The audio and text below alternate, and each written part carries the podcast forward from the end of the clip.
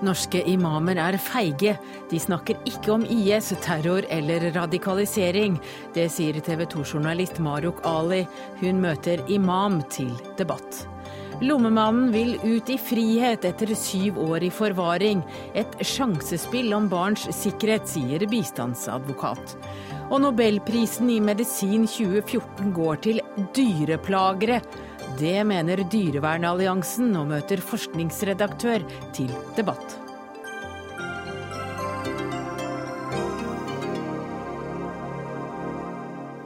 Velkommen til Dagsnytt 18. Jeg heter Hege Holm, og først i denne sendinga skal vi tilbake til Vest-Afrika. I dag kom den norske ebolasmittede hjelpearbeideren hjem til behandling i Norge. Og etter det vi vet, så har altså epidemien krevd nærmere 3500 menneskeliv, mens over 7500 er smittet. Afrikakorrespondent Sverre Tom Radøy, hvordan er situasjonen i Vest-Afrika? Jeg er redd for at uttrykket 'fra vondt til verre' kommer til å bli ganske fort forslitt eh, når det gjelder akkurat eh, denne epidemien her. For her går det fra virkelig vondt til helt forferdelig. Eh, rekordene de smadres når det gjelder antall døde per dag. Behovet for hjelp øker mye sterkere enn den hjelpen som tross alt settes inn. Eh, oppi det hele så sier eh, fredsprisvinner Ellen Johnson Sirleaf at nå er det også mentaliteten som må gjøres noe med. Folk tror ikke at det er ebola, folk tror at det er en måte å lure dem på. Så i nabolandet så er det da eh, I Sierra Leone så er det et svært containerskip som ikke blir losset. Det er altså verdens, største, verdens verste korrupsjonsland, så det er ikke så rart. Og oppi det hele så er det også varslet en streik blant helsearbeidere i Liberia. Ja, Hvorfor det? Hva skal de streike mot? De, de har ikke fått skikkelig betalt, da. Eh, og ikke godt utstyr. Og ingen eh, god forsikring. Så de vil ha mer penger. De vil ha mellom 7000 og 10 000 kroner i måneden. Og de vil ha en sikkerhet for at familiene til eh, de som dør av helsearbeidere i, i jobben sin, at de får en kompensasjon. Hvordan ser de på hjelp utenifra? De er helt avhengig av det, og det har de vært i mange måneder. Og det har de vært eh, helt eh, åpen på. Eh, det Ellen Johnson Sirleaf, altså fredsprisvinneren, presidenten i Liberia, sier, det er at de også kunne trengt god hjelp når det gjelder kommunikasjon. For altså, de, de, stå, de vasser i problemer når det gjelder folks vankunne. De mener eh, befolkningen f.eks. i West Point, som er Vest-Afrikas største eh, slumområde i, eh, i, i, Liberia, sier at de ikke tror på myndighetene. De tror at myndighetene er der for å lure dem for penger. Og hva, Hvilke konsekvenser får det at de tror de blir lurt og ikke tar det på alvor? Det er det, den konsekvensen at ikke de oppsøker eh, disse stasjonene, som tross alt er i nærheten. Eh, de har dem heller hjemme, og så dør de hjemme, og så blir det, de, blir det, flere smittede. Det er jo ikke så rart i et land som har vært helt, helt, helt eh, nede i en lang og helt forferdelig blodig borgerkrig i mange år. Befolkningen har ikke hatt én eneste grunn til å stole på myndighetspersoner. Banket en myndighetsperson på hånda, ja, så var det bare å komme seg ut av eh, bakvindet for mange. For da ble man arrestert, og ingen visste hva som skulle skje. Eh, myndighetene har hatt veldig liten tillit. Men så har det også dette landet og nabolandet Sierra Leone vært på vei oppover. Da er det ekstra, ekstra tragisk at disse landene nå rammes så hardt. Line Wold, du er med oss fra Folkehelseinstituttet.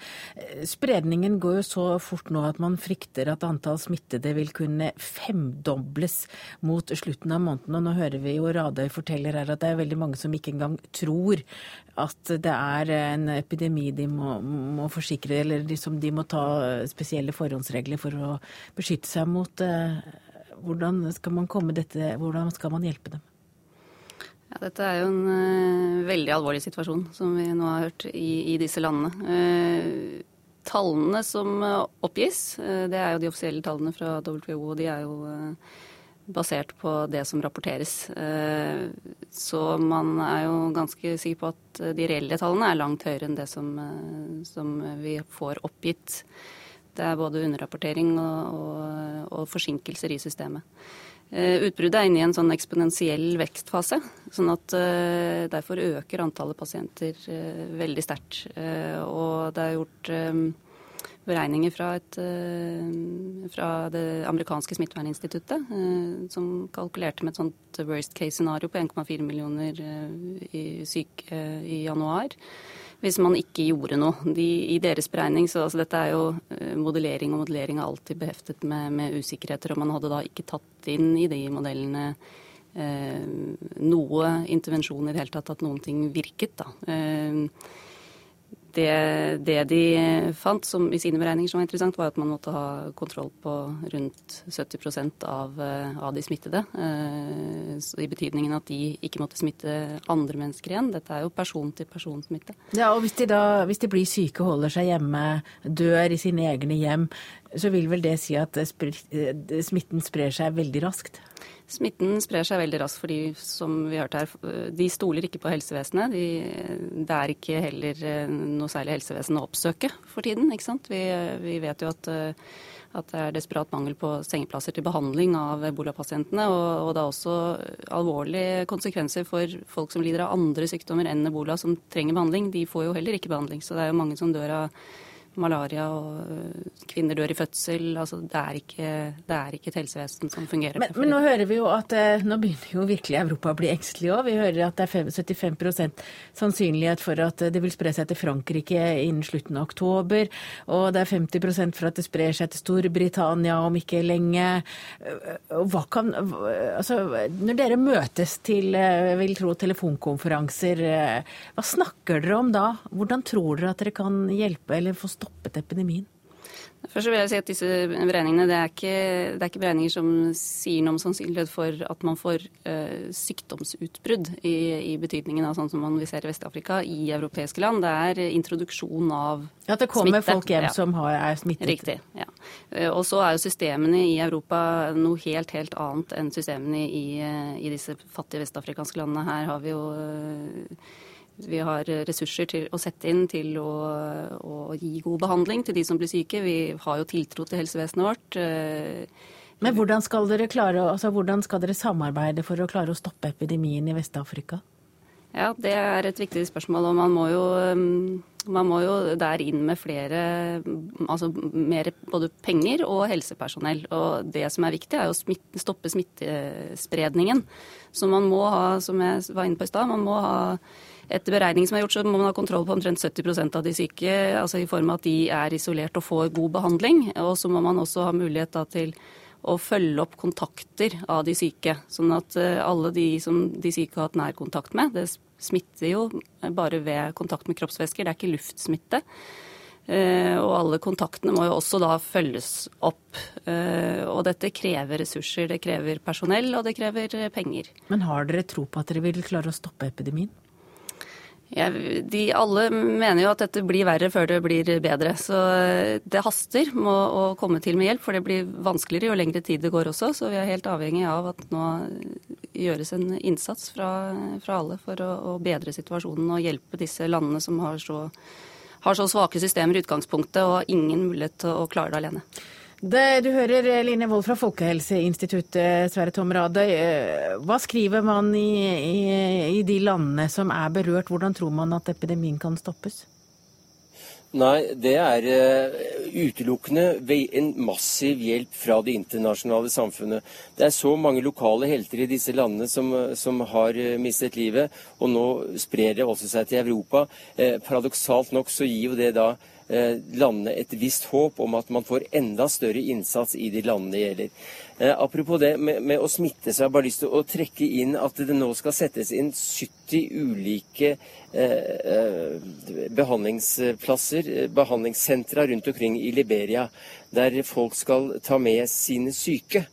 Og det er jo et enormt problem. for hvordan kommer man seg dit? Jo, da kommer man seg dit eh, med busser og overfylte transportmidler, og da kan mange, mange flere bli smittet. Eh, så er, så er, det mange som sikkert er glad for at Folkehelseinstituttet her sier at eh, vi skal huske på at det er mange andre sykdommer i dette området også. Det dør altså et barn hvert annet sekund av malaria bare i Afrika. Takk til deg, Afrikakorrespondent Sverre Tom Rade. Takk også til Line Wold fra Folkehelseinstituttet. Dagsnytt 18 alle hverdager klokka 18.00 på NRK P2 og NRK2.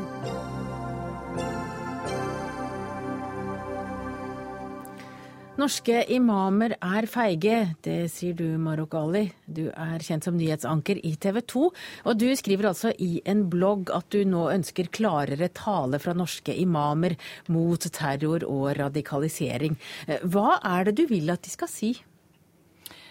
Det er ikke min eh, oppgave å bestemme hva norske imamer skal si, men det jeg registrerer, og det har jeg etterlyst, er et eh, klarere engasjement fra norske imamer når det gjelder eh, å frembringe budskap om hva islam både står for, og snakke om den økte radikaliseringen og terrorisme. Fordi at dette er temaer som opptar muslimer i Norge og internasjonalt i dag. Og da tenker jeg at det er Imamene er de største religiøse forbildene vi har i uh, moskeene. Da er det deres oppgave å fortelle hva islam står for, når IS i så skremmende stor grad eh, forsøker å utnytte det spillerommet de får, til å definere begreper som f.eks. Eh, jihad, sharia osv. Bare på vei hit nå så hører jeg om den dramatiske utviklingen som er i den eh, kurdiske byen eh, Kobani, der IS nå eh,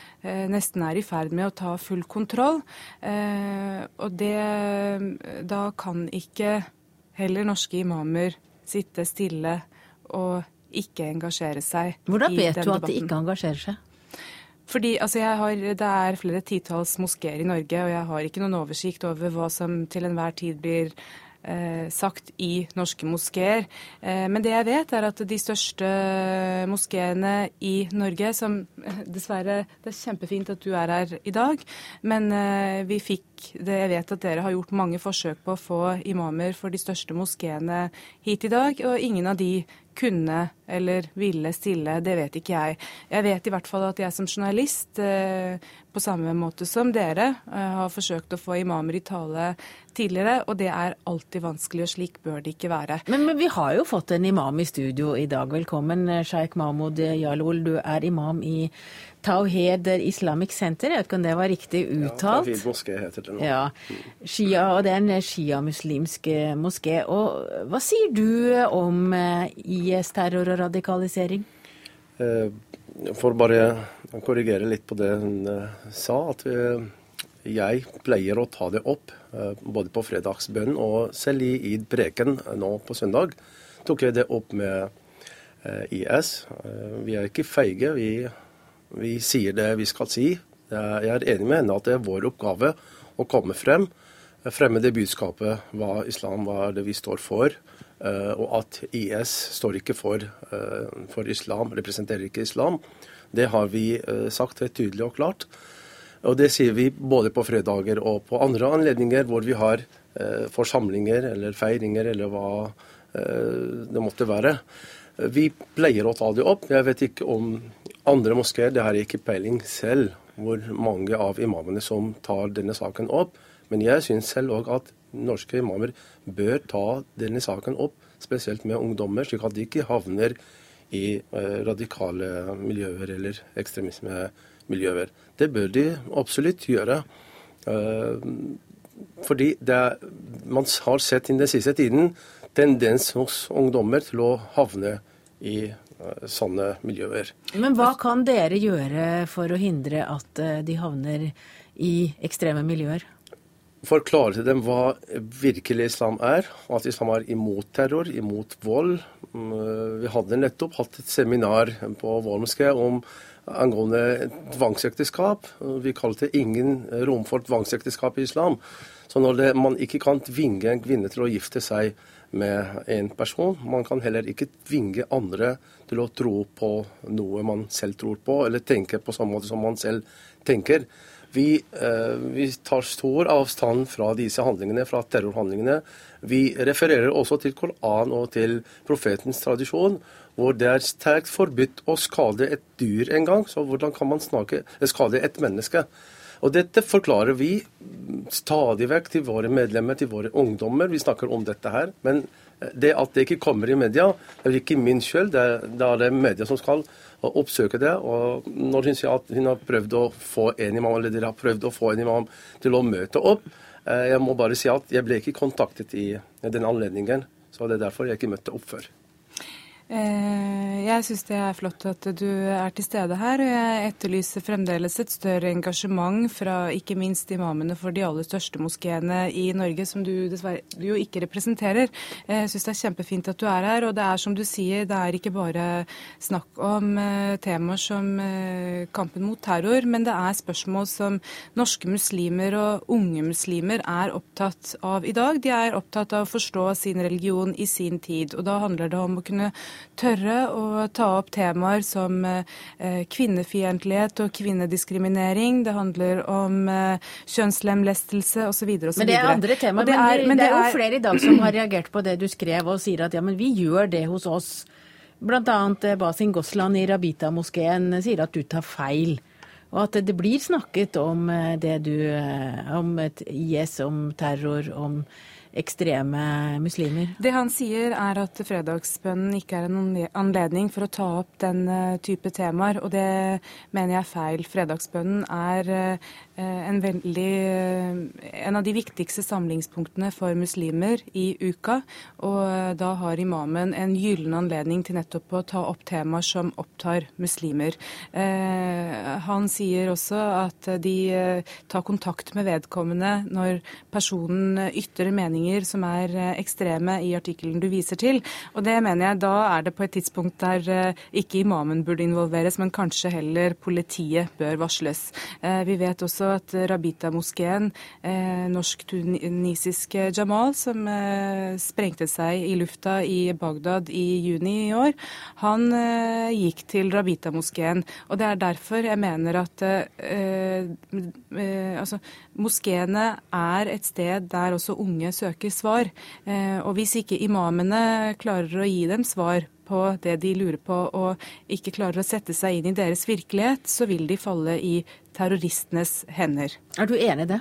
Jeg er enig i at imamene bør ta det opp. Og jeg er også enig i at fredagstalen er en god anledning, for man, man har en stor, ganske stor forsamling uh, ukentlig. Uh, og at eh, man bør benytte den anledningen. Men, men, jeg vet at, men du sier du gjør det, men jeg vil jo tro du har kontakt med andre imamer. Snakker dere om dette her, og hvordan dere skal gjøre det? For det er jo en ganske ny problemstilling for dere òg? Ja, riktig. Vi har eh, egentlig det, det burde Islamsk Råd Norge eh, ta en slags bevegelse der og bevege seg når det gjelder dette her. Eh, men vi har noe som heter Shia imamråd i Norge, som er av, registrert i Norge og dannet av flere imamer. Eh, vi har kontinuerlige møter. Og vi har eh, diskutert dette temaet her og, og, snakket sammen om hvordan vi skal kjempe imot uh, uh, dette her, og, og, hva slags uh, skritt vi, vi, bør ta for å beskytte våre ungdommer fra å havne i slike miljøer. Og det har vi vi ser at vi lykkes med det hittil. Eh, I eh, innlegget mitt som jeg skriver på TV 2.no, det har eh, skapt et voldsomt engasjement, så viser jeg jo til Jeg vet at det er flere norske imamer som pilgrim, har vært på pilegrimsreise i Mekka i år, og der viser jeg til den store muftien der. Han er en salafist, og mange vil mene at han tilhører en ganske konservativ retning av islam, så jeg trekker ikke frem han som noe forbilde for hvordan imamer generelt skal opptre, men jeg tenker at de har noe å lære lære av han når han foran to millioner mennesker snakker om det som norske muslimer og muslimer verden over var mest opptatt av da de gikk inn i den hellige feiringen av eh, id denne helgen. Takk til Marok Ali, kjent som TV 2-anker og journalist. Takk også til sjeik Mahmoud Jalol, som kom hit til Dagsnytt 18.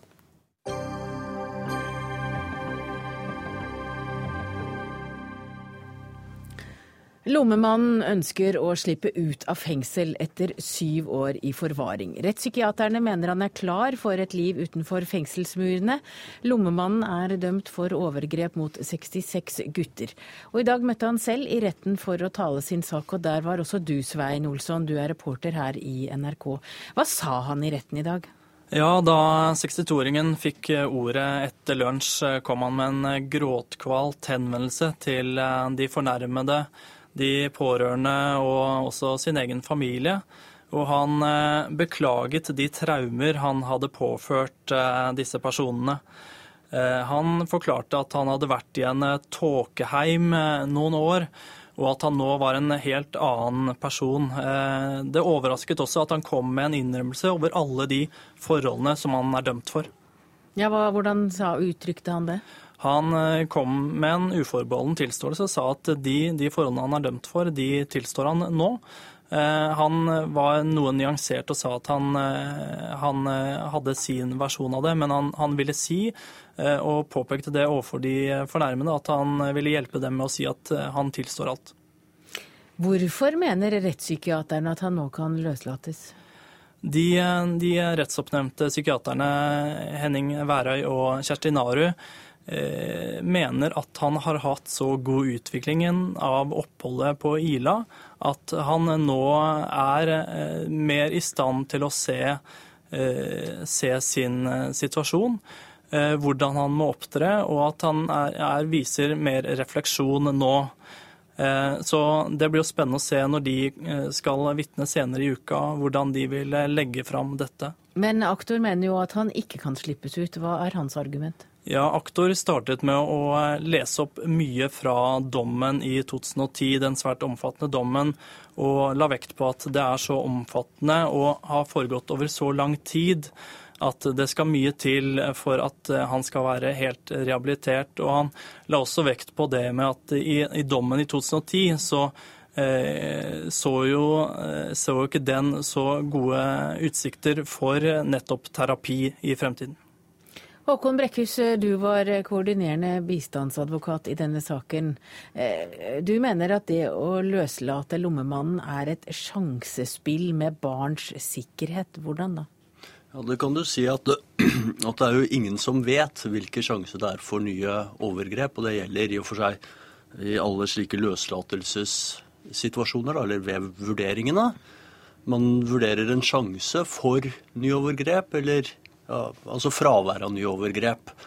Og, og, det jeg mener er at når det gjelder såpass alvorlige forbrytelser som det er snakk om her, så er det en, en, at sjansen bør være lav før man løslater noen, fordi konsekvensen av en feil løslatelse er veldig uh, høy for de det måtte gjelde. Men nå la han seg jo helt flat i dag, da, som vi hørte, og innrømmet eh, alt han er dømt for. Er det en formildende omstendighet? Ja, det er jo fint at han gjør det.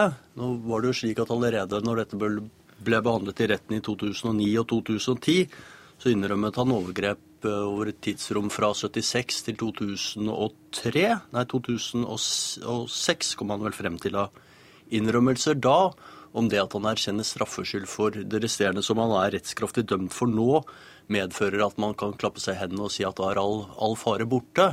Det er jeg ikke så sikker på. Men det er jo ganske strengt. da, altså, De sakkyndige psykiaterne vil at uh, han skal prøveløslates, men det er jo en rekke vilkår. Han får ikke lov til å oppsøke idretts- og svømmehaller hvor det kan være barn.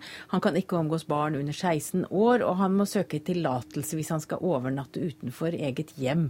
Det er jo, det er jo ganske mange eh, forbehold vilkår. og vilkår. Ja. Og det vil det alltid være vel en løslatelse fra forvaring. Men det holder men, ikke for deg? Det er for meg, det, det, det er jo ikke meg det dette gjelder. Men, men det, dette er jo første step i en totalløslatelse, og dette er en person som har vist stor kreativitet når det gjelder å begå overgrep tidligere. Og, og man er da langt ifra så sikker som man kan være når vedkommende da er, er inne på en institusjon. Du har jo hatt kontakt med ofrene i denne saken. Hva vil en løslatelse bety for dem? Ja, det tror jeg er veldig forskjellig fra offer til offer, og, og veldig mange er nok heldigvis ferdig med med denne saken. De er ikke barn lenger, og, og, de er heller ikke målgruppen til, til tiltalte her.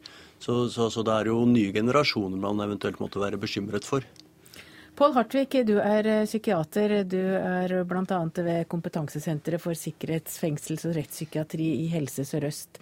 Lommemannen nektet plent for at han hadde gjort noe galt da han ble dømt, og nå sitter han og gråter i retten og ber om unnskyldning. Eh, hva er din forklaring?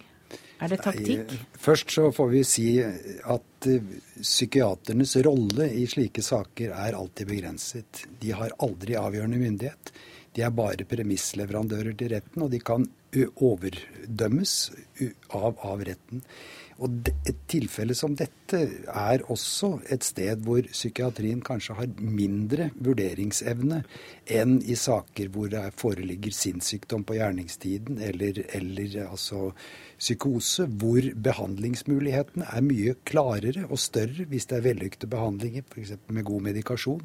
Så kan man se stor endring. Ved, Men hvem kan man høre på da, hvis man, man ikke skal høre på psykiateren? Nei, man skal høre på, man skal først, Retten bruker, som den også gjorde i Breivik-saken, brukte jo sin egen sunne fornuft og juridiske uh, tenkemåter. Men det er klart man skal høre på psykiaterne. Og disse tre sakkyndige som er nevnt, uh, er jo alle både erfarne, kompetente og kjent for å være ganske uh, kritiske og praktiske. Slik at det er klart man skal høre på dem. Og jeg kjenner ikke eksakt hva slags ordlyd de har i, i, i, når de har sagt at det er Eh, rimelig forsvarlig å ta denne sjansen. Og som min sidemann sier, det er jo alltid sjanser, og det må man ta. For hvis ikke så grodde jo hele kriminalomsorgen igjen, så man må alltid ta kalkulerte sjanser. Men her så er det da et spørsmål om Jeg vet ikke, det vet jo de sakkyndige, hva slags behandling har denne mannen fått? Eh, det er nemlig kjent at behandling for pedofili, psykoterapi for pedofili, har nokså skrinne eh, resultater i, i, i, i, mange undersøkelser. Slik at det er ikke altfor mye å hente der i, retning av full personlighetsendring. Men så skal vi huske én ting, at det viktigste med kriminalomsorgen tross alt, det er jo eh, læreeffekten av frihetsberøvelsen. Og en såpass intelligent mann som vi har her, kan også ha lært at dette kan jeg ikke holde på med om igjen.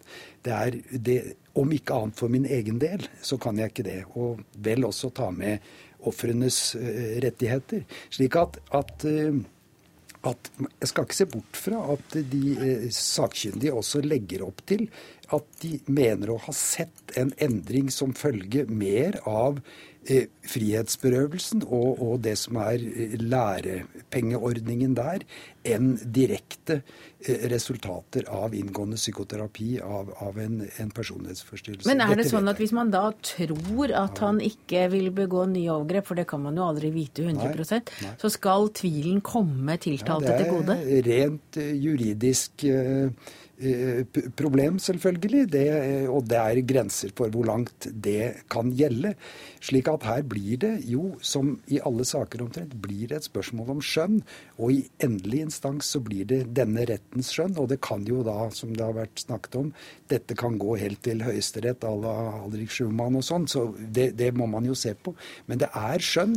Og, og, og, og, skjønnet er viktig, og eh, det vil bli spennende man, hvordan man ser hvordan, man, hvordan det skjer. Men jeg er i tvil om resultatet, bakgrunnen for de sakkyndiges eventuelle eh, forslag, eller, eller hva, at det er god et godt behandlingsresultat. Men kanskje nettopp et godt resultat av den lærepengeordningen som en frihetsberøvelse skal gjøre. Og Det er jo grunnlaget. Det er nylæring og endring som kriminalomsorgen jo har som sine mantraer når det gjelder dette. Er dette en sak som kan gå helt til Høyesterett? Ja, det kan det nok. For det, det, jo, det, er jo først nå disse litt lengre forvaringsdommene blir prøvet rettslig. Altså man har som, som vi var inne på, disse fra Noka-saken og, og slikt. og og så, så, det er først nå at det blir aktuelt med forlengelse for de som har sittet på lange, lange forvaringsdommer, så det kan absolutt komme til Høyesterett. Det som er det rettslige vurderingstemaet, det er jo om det er en reell og praktisk mulighet da, for nye overgrep. Det er vel sånn det ofte formuleres. Og, og jeg må si at altså min tiltro til læringseffekt Han har jo nå sonet fire år ekstra da, etter, etter dommen i lagmannsretten at den er så, så høy, det, det, er ikke jeg nødvendigvis med på. Eller jeg har ikke samme tiltro til straffens individualpreventive effekt, da, nødvendigvis. Men så, kan jo selvfølgelig virke i positiv retning. Så får vi se hva som skjer. Det er vel på fredag vi får vite dommen faller. Muligens, jeg vet ikke helt. Muligens. Takk til dere, Pål Hartvig, psykiater, Håkon Brekkhus, bistandsadvokat, og Svein Olsson, reporter her i NRK. Ja,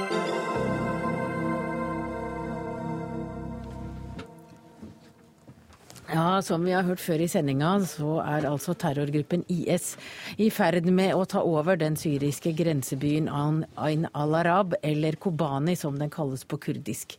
Kurdere over hele Europa demonstrerte i går kveld og i natt. De krever nå handling for å stoppe IS framrykking. Og rundt 100 personer demonstrerte utenfor Stortinget gjennom hele natten. Og Andam Asa Asis, du er talsmann for demonstrantene her i Norge. Hva er det dere vil at eh, Stortinget skal gjøre? Eh, det første vi vil at Stortinget skal gjøre, er at de skal anerkjenne de kantonene i Rojava. Det, vil, det er snakk om demokratisk styre innad Syria. Eh, så krever vi umiddelbart humanitært hjelp til eh, byen Kobani og Rojava. Samtidig væpne de kurdiske styrkene som kjemper mot ISIS. Eh, fordi kurdere alene kjemper en kamp mot verdens største terrororganisasjon. Og da syns jeg at Nato og Vesten, USA, alle skal bidra militært for å stoppe ISIS. Så dere ber om våpen? Vi ber om humanitært hjelp og våpen. Men eh, det har jo vært demonstrasjoner også i Sverige, Finland, Nederland og en, rekke, en rekke andre land. Er det det samme kravet dere stiller i alle land? Det er eh, ganske likt, i hvert fall. Eh, fordi det som er greia, er at situasjonen er veldig kritisk i dag. Og det er derfor det har vært flere demonstrasjoner overalt i Europa, egentlig. Og det kommer til å fortsette hvis det ikke skjer noe fra Vesten eller Nato om de ikke griper inn. Så hvis Kobane faller, så vil det pågå et folkemord mot kurdere. Jeg har vært og, sett på kartet i dag. Kobane ligger vel akkurat på grensa på syrisk side. Riktig. Det ligger grense til den tyrkiske Til Tyrkia, ja. ja. Hvilke, hvor alvorlig er det, mener dere, hvis IS overtar eh, byen? Altså Det vil bli ganske alvorlig, ikke bare for eh, den kurdiske delen av Syria, men eh, den kurdiske delen av Irak også vil stå i fare. Samtidig du skiller de to andre kantonene, som er Jazira og Afrin. Da har du, da du splitta kurdere i den syriske delen, som er også kalt Rojava. Så dette her mener dere er Det må stoppes nå? I morgen eller i, i dag? Altså det må stoppes nå, egentlig, hvis det, hvis det man skal handle nå. Så det vi krever, at det, eh, det internasjonale samfunnet eh, på en måte gjør nok for å stoppe det. Vi har sett amerikanske fly bombe det området, men de har ikke vært effektive nok til å skade ISIS. Per Sandberg, du sitter i utenriks- og forsvarskomiteen eh, for Fremskrittspartiet. Du har tidligere uttalt eh, at en bevæpning av kurderne bør man vurdere. I dag har du møtt de kurdiske demonstrantene. Hva var det du sa til dem? Nei, Jeg sa akkurat det samme. Eh, men først og fremst eh, så tror jeg samtlige norske politikere må vise, og vise, stor forståelse for det som eh, kurdere nå er utsatt for. Nå må man få lov til å si, når det gjelder Kobani og andre plasser også, altså de sivile lidelsene de er jo akkurat like stor uavhengig av hvilken gruppe du tilhører.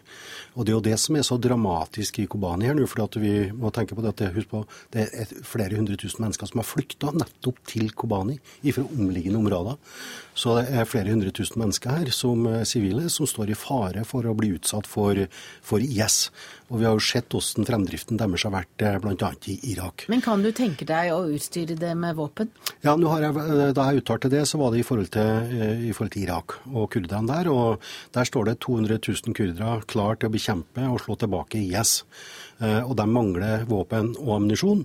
Og etter at jeg uttalte det, så har de også fått betydelig bistand både når det gjelder våpen, men også når det gjelder humanitær bistand.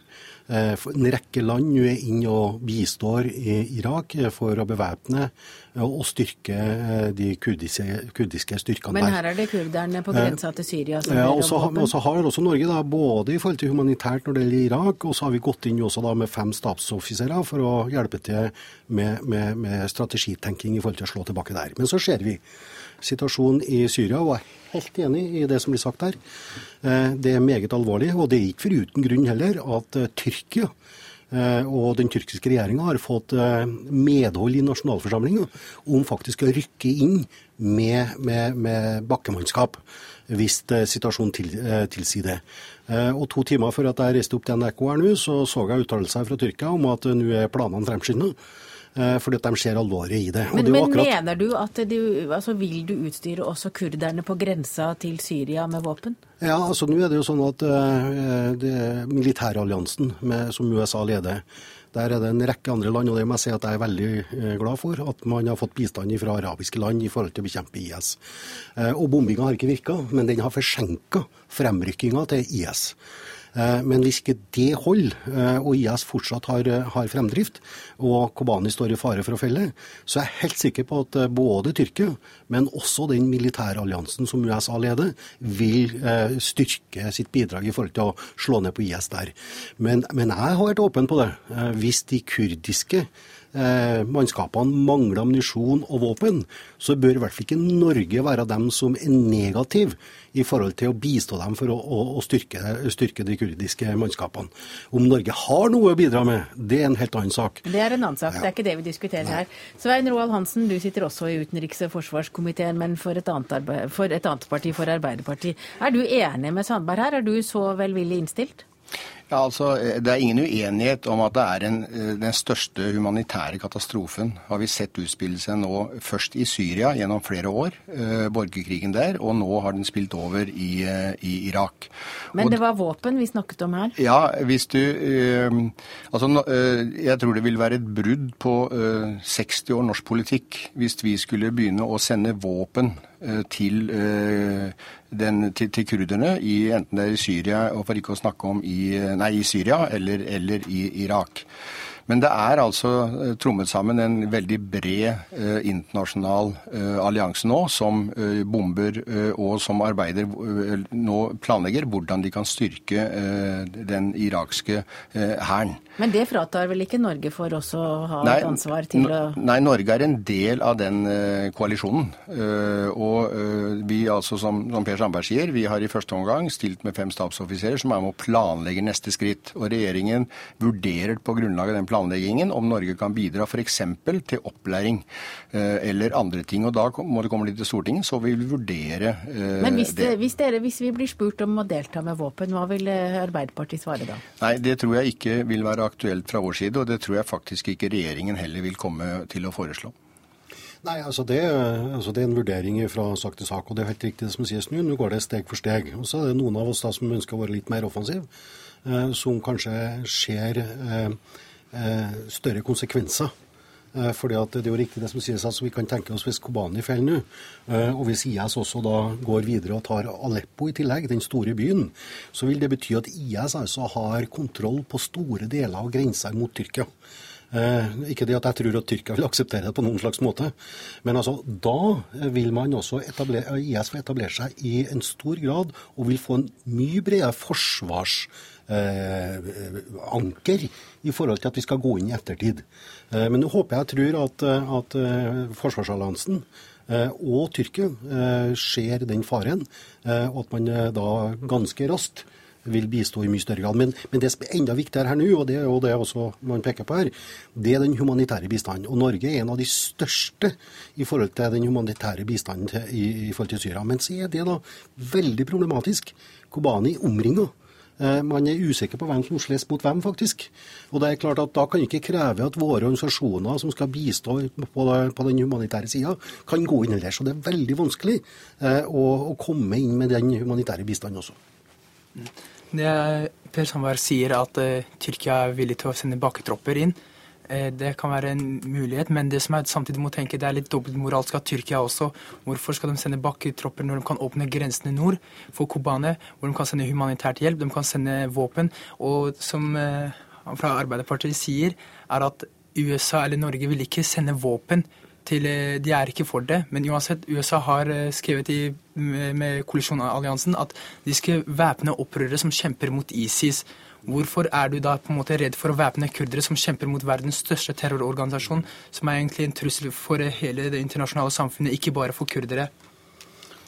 La meg, la meg først si at eh, Norge har gitt et veldig viktig bidrag tidligere, nemlig ved å bistå og få tatt ut de kjemiske våpnene fra Syria. Hadde ikke det vært gjort, så ville sannsynligvis IS nå hatt tilgang til kjemiske våpen. Det ville forverre situasjonen dramatisk. Men altså, Norge har hatt en 60 år gammel politikk som går på at vi selger ikke våpen til land eller områder hvor det pågår krigshandlinger. Vi skal være klar over at den irakske hæren har amerikanerne brukt milliarder av dollar på å bygge opp. Og den deler av den brøt altså sammen som et korthus da, da IS kom.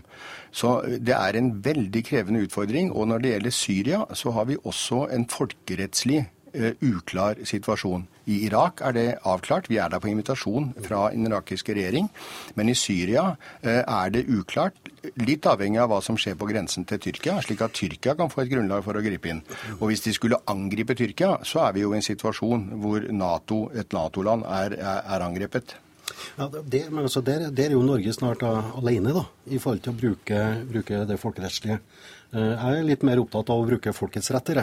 Og Det er jo nettopp det amerikanerne også har orientert om eh, til FN, om at man bruker da artikkel 51 eh, i forhold til det med selvforsvar. Og Det er jo det det dreier seg om her nå. Og, det er klart at Jeg syns det er viktig at Norge har slutta seg nå til denne militæralliansen, som innehar, innehar, fem punkter, som går på et bredt spor i forhold til å bekjempe ISIL.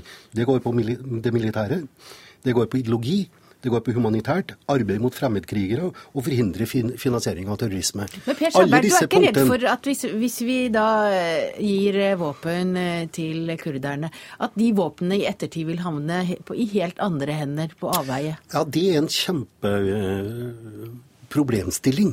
Men det er klart at når man har lagt opp til å bekjempe ISIL nå, så har jeg også vært klar og tydelig på det at det er ikke nok å slå dem tilbake. De må nedkjempes. Eh, og da vil den type våpen da forhåpentligvis bli på rette hender. Men det er en fare med det, det ser jeg. Og jeg har ikke sagt at Norge har noe våpen å bidra med, eller? Men altså, det kan jo være andre land, og det er mange andre land som bistår i Irak nå. Eh, og gir, og, eh, og gir våpen til, til kurderne der. Og da skal vi ikke utelukke Norge eller at vi protesterer på noen slags måte. Hvis andre land nå bistår med å eh, gi våpen til, til kurderne i, i, Syria, som kanskje er enda viktigere overfor den situasjonen som vi ser nå i Kobani. Det er litt vanskelig å henge med Per Sandberg. Eh, for det er altså 14 dager eller tre uker siden han kom med skarp kritikk av både nåværende og tidligere norske utenriksminister for å være høy på seg selv og skulle reise rundt og løse alle verdens problemer, og at vi utsatte oss for terrorfare ved å engasjere oss, som vi eksempel har gjort nå i, i Afghanistan. Og nå kommer du og skal altså Eh, engasjere deg i en konflikt hvor, som er en spagetti av interesser? Nei, altså, det, det, for det første så er det seks uker siden, kanskje sju uker siden også. Men, jo, jo, men... men, det, det, var i forhold til en debatt der at Norge har et engasjement i, i 116 land på ulike måter. Eh, og det vi ser nå Jeg synes det er litt jeg, synes, jeg, må få lov til å si det, at det er litt respektløst av Arbeiderpartiet og, tone ned det vi ser i Syria og Irak på den måten. For det er det mest alvorlige vi står overfor eh, siden andre verdenskrig. Og da syns jeg at vi skal gå inn med alt vi kan.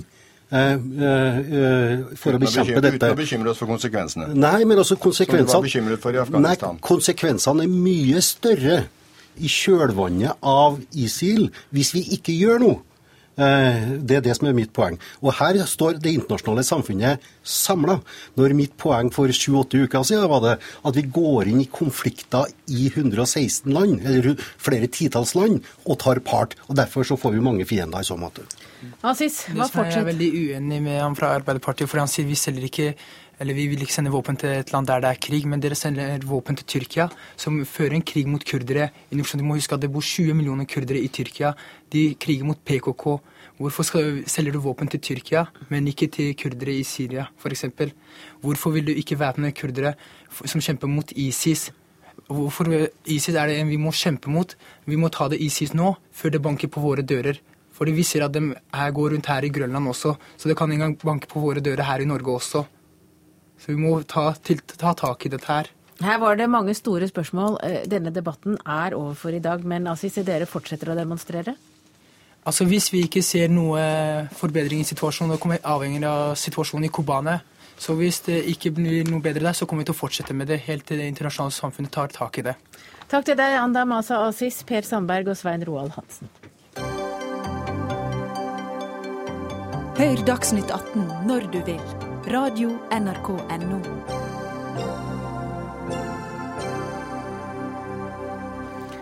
Denne uken leder kronprins Haakon en konferanse om innovasjon og entreprenørskap i Tromsø. Aftenposten kaller på lederplass kronprinsens engasjement for sviktende rolleforståelse. Og redaktør i Aftenposten Harald Stanghelle, hva er sviktende hos kronprinsen? Ja, Dette er jo en veldig interessant eh, konferanse, men når en leser grunnlagsdokumentet for den, så ser en jo at en går rett inn i noen av de viktigste og mest betente stridsspørsmålene eh, i norsk politisk eh, debatt. Men om annet så eh, sier grunnlagsdokumentet at rigide, altså firkanta arbeidsreguleringer og tunge byråkratiske prosesser er en hindring for norsk gründervirksomhet. Det er fullt mulig både å hevde, mene og diskutere, men det vi har reist spørsmål om, det er om det på denne arenaen at landets eh, kommende eh, statsoverhode skal være. Vi er sterkt i tvil om det. For det du mener det er for politisk? Ja, det er inn i gråsona eh, til politikk. Eh, og det er klart, når kronprinsen så sterkt identifiserer seg med denne konferansen Dette er ikke en konferanse som han bare er gjest på. Han er eh, Han på en måte under eier denne konferansen. Eh, og så er det klart at eh, vi vet jo fra tidligere at eh, kronprinsen har en hang til å flørte med politiske tema. Eh, vi husker hvordan han fikk kritikk for å svare ja da Trond Giske ville ha han med i et eh, næringspolitisk eh, forum. Der trakk han seg. Vi har akkurat en diskusjon om signaleffekten politisk sett ved skolevalget. Han deltar på Davos-konferansen, han deltar på den lukka Bilderberger-konferansen. Altså, er det sikkert at det er på disse arenaene at landets eh, tronarving skal eh, være. Burde Slottet ha stoppet han? Eh, jeg veit ikke om dette er noe han har insistert på eller ikke, men Slottet burde problematisert dette på en helt annen måte, slik de også burde gjort det ved en del tidligere anledninger. Jeg skjønner veldig godt at en svært oppegående kronprins Haakon har lyst til å gjøre meningsfylte ting. Dessverre så er den rolla han er tildelt i livet, og, og, og, og, som han har tatt på seg, eh, den setter klare begrensninger for hvor aktiv han kan være i det, i det, på det politiske eller semipolitiske feltet. Innovasjon Norge er en av arrangørene for konferansen Siktet 2014. og direktør Anita Krohn Traaseth, du syns det er bra at kronprinsen deltar i konferansen, men når du hører Stanghelle her, eh, hva tenker du? Jeg tenker jo først og fremst at eh, Stanghelle har helt rett. At det er viktig å gi kronprinsen eh, korreksjoner underveis. Og det er en helt naturlig oppgave som kommentator av hans kaliber skal gjøre. Å starte en debatt rundt hvor disse rollebegrensningene går. Men når det er sagt, eh, så er jo nettopp det også spørsmålet at enhver kronprins som da skal ta over rollen som konge, har opplagte plikter i henhold til konstitusjonen. Men de har også et mulighetsrom. Og som kronprins så bruker man da muligheten for å definere hva er det mulighetsrommet. Jeg ville vært mer bekymra hvis vi ikke hadde en kronprins som faktisk var med og tok et ansvar og deltok i debatten, for det er det han gjør. Han fasiliterer og deltar i en debatt som er så viktig for landet vårt. For vi vet at vi har store innovasjons- og nyskapningsutfordringer. Vi vet at vi er nødt til å gjøre noe mer. Vi skal leve av noe etter oljen. Og han ønsker å mobilisere neste generasjons ledere. Og det ser jeg på som en del av hans på en måte forberedelse også til å bli konge. At han må, eh, må forvalte det vervet. Og Innovasjon Norge har jo i veldig mange generasjoner hatt et tett samarbeid med kongehuset, hvor kongehuset nettopp har representert norsk næringslivs ute. Det er også en del av oppgaven. Det jeg syns er bra med kronprinsen nå, er at han setter fokus inn i Norge. Eh, han har eh, dette med, som du nevnte, med skatt. Dette er jo ikke en skatt skattekonferanse. Det er ti punkter på den agendaen hvor Ett av de omhandler en rapport om innovasjonsbarrierer. Og Det er ikke mulig å snakke om innovasjon, og det er det vi deltakerne gjør. Vi skal, vi skal komme og bidra. Eh, og den presentasjonen jeg skal eh, holde på vegne av Innovasjon Norge, vil jo gå eh, rett inn i argumentasjonen av noen av resultatene fra rapporten som jeg ønsker å utfordre. Og det tror jeg er kjernen av hva kronprins Haakon ønsker med dette, å få debatten. Ja, Stanghelle, en forberedelse til å bli konge? Jeg syns det er eh, strålende at eh, Innovasjon Norge og andre eh, tar del i og, og inspirerer til konferanser og debatter som dette. Spørsmålet vi har stilt er hva for rolle kronprinsen har i dette. Han står helt fritt til å være til stede, til å inspirere, til å åpne. Dette er imidlertid noe annet. Det er en konferanse som han har ønska et eierskapsforhold til. Og som han har en spesiell rolle i. Og da blir det interessant hva for dokument eh, ideologisk sett eh, som ligger til grunn for konferansen. Og det er derfor eh, det har vært oppmerksomhet om akkurat det som dreier seg om eh, gründerbarrierer, altså med skatteplan... Eh, Tror har dere diskutert eh, Håkon, eller kronprins Haakons rolle i konferansen? På bakgrunn av det Stanghelle, altså i forkant? Nei, altså hva som er definisjonen på, på hans rolle framover. Altså for meg eh... Nå tenker jeg på i konferansen, og det Stanghelle nettopp snakker om, at det er en del politiske spørsmål som, som Nei, fordi at eh, Det som Stanghelle påpeker, men som ikke er helt korrekt, er jo at denne konferansen bygger ikke på en rapport. Denne rapporten er en del av ti elementer, ti tematikker, eh, i konferansen. Jeg hadde vært helt enig med deg, Stanghelle, hvis hele denne konferansen hadde vært bygd på denne rapporten, og det er den ikke. Og det er, men, men det er en viktig distinksjon. Jeg er enig i at distinksjonen er viktig, og det, det, tar jeg gjerne. Men det er ett av flere grunnlagsdokument.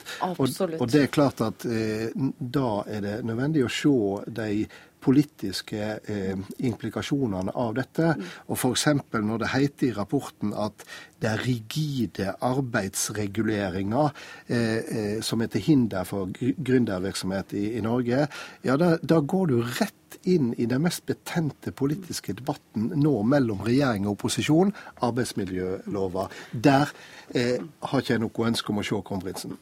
Men, men, jeg tror hvis du ser på hvilken har du? Eh, skulle du ønske kronprinsen eh, markerte seg i spørsmålet om arbeidsmiljø og lovens mange bestemmelser om midlertidig ansatte? Nei, jeg, jeg, jeg, mener jo personlig eh, at han klarer å navigere den rollen godt.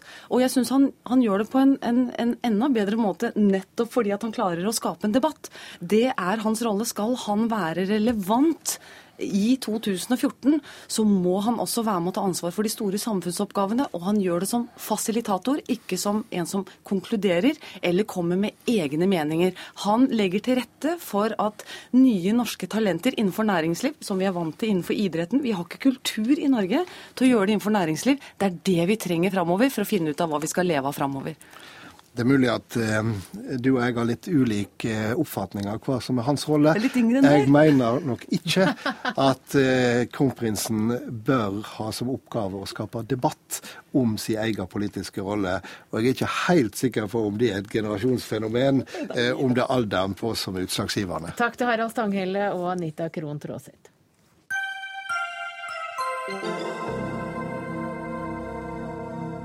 I kveld feires ekteparet Moser i Trondheim, eh, som fikk nobelpris i medisin i går. Men nobelprisvinnerne i medisin var så vidt blitt kjent før Dyrevernalliansen kom på banen med kritikk. Olive Kleveland, du er informasjonsleder i Dyrevernalliansen. Og du mener at det ekteparet gjør, altså de mottar en pris for hjerneforskning, og den foregår på rotter, og det er galt. Hvorfor det? Ja, eh, champagnen spretter, som du sier, og vi blir nok ikke populær for eh, å komme med en kritisk røst da. Men Dyrevernalliansen mener at eh, noen bør komme med den kritikken i seiersrusen for forsøksdyrene, som ikke kan eh, si noe selv. Eh, vi er i utgangspunktet tilhenger av forskning. Dyrevernalliansen er selv en storforbruker av forskning. Eh, vi delfinansierer forskning til beste for dyr. Så Dyrevernalliansen er absolutt for god, sunn forskning. Men problemet er jo når forskningen påfører lidelse. Eh, og det er dessverre det som er tilfellet her. Og det er jo et etisk dilemma i eh, samfunnet på mange områder. Eh, spørsmålet om man skal pine noen for å hjelpe andre. Og det er jo det som skjer her. Hvor går grensen? Ja, og Vi har jo sett bildene av rottene som, eh, som, de bruker for å finne ut hva som skjer med hjernen, og hvordan stedsansen vår er satt sammen, for å si det enkelt. Nina Kristiansen, du er redaktør i forskning.no, og du syns reaksjonen fra dyrevernet er litt utidig, du? Ja, vi kunne feira litt lenger, da. Første nobelprisen i medisin, det er jo helt fantastisk. Men det er jo bra da, at man tar opp forsøksdyras rolle, men jeg er ikke så veldig bekymra for rottene til eh, Edvard og May-Britt Moser. Jeg tror de har det bra. Jeg tror de til og med får være med på festen, ja, på, på sitt vis. Eh, Dyrevernalliansen sitter jo i Norecopa, som er en sånn eh, organisasjon for å få ned antall eh, dyreforsøk. Og de har jo nominert eh, Moser til eh, pris nettopp for miljøet på rottelabben. Så det er veldig pussig at kritikken kommer. Altså, det, må, det, må, du svare for. Ja, Det er nok en liten misforståelse. Det er ikke Dyrevernalliansen som har nominert uh, Dere sitter en, i Norecopa, som har nominert Moser. Moser har, har, blitt nominert til en pris, men nådde ikke opp i en pris om, eh, om eh, alternativer til dyreforsøk. Men de har jo fått en, eh, en, nobelpris, og det er jeg helt enig i. Flott at Norge endelig får en nobelpris, mm. men vi syns da det er trist at den eh, prisen går til eh, dyreforsøk som er såpass inngripende som disse er. De går ut på å eh, sette store implantater i hjernene på dyr.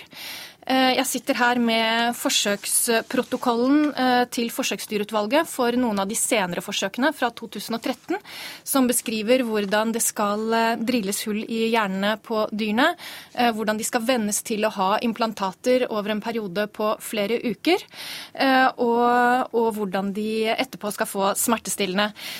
Deler av hjernen på dyrene blir ødelagt i noen forsøk. I andre forsøk tidligere forut for disse forsøkene så senket man eh, rotter ned i såkalte drukningslabyrinter, hvor de måtte svømme rundt og lete etter en plattform for å kunne komme seg opp. Dette er høyt utviklede pattedyr.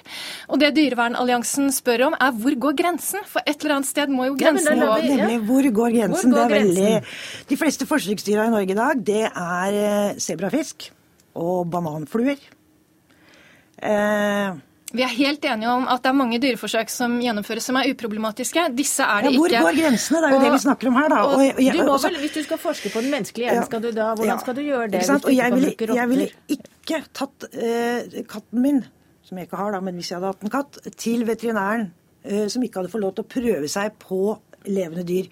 Jeg ville heller ikke tatt legemidler som ikke var prøvd på levende uh, dyr. Det er nødvendig med noen dyreforsøk. Og så er det da i forskersamfunnet en drive for å få ned antallet. Og det gjøres på veldig mange forskjellige måter. Med cellekulturer, med datasimuleringer, med kosedyr fra Ikea til og med. Og gummidyr. ikke sant? Det er en drive for å få det ned. De forsøksdyra som er igjen, de blir godt tatt vare på.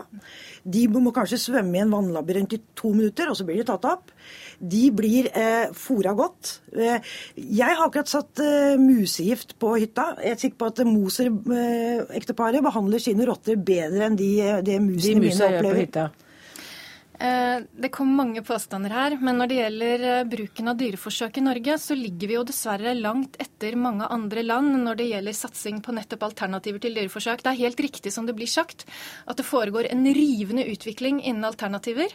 Noen av dem er tatt i bruk i Norge. F.eks. er Norges veterinærhøgskole et eksempel på noen som driver hjerneforskning uten eh, invasive teknikker. De bruker MR-skanning for å studere prosesser i mm. hjernen, som et eksempel på hvor forskningen kan ta oss. Men du kommer bare til et visst punkt, og så må du over på levende dyr. Men Mener du at ekteparet Moser ikke hadde klart det de har klart nå uten å bruke rotter? Ja, altså Hvert eneste dyreforsøk i Norge er godkjent. De må søke, og det blir godkjent. Og da er det fordi at de andre alternativene ikke fungerer. Og så er det da, eh, vil man gjerne da bruke andre ting, og det skjer. Men nå har dere kommet med deres innsigelser, og dere er hørt. Og vår sending er dessverre over. Takk til deg, Live Kleveland, du er informasjonsleder i Dyrevernalliansen, og Nina Kristiansen, som er redaktør i forskning.no. Og de som står bak denne sendingen, det er Ida Tune Øritsland, Frode Thorshaug og jeg heter Hege Holm. Og vi gjøres igjen i morgen.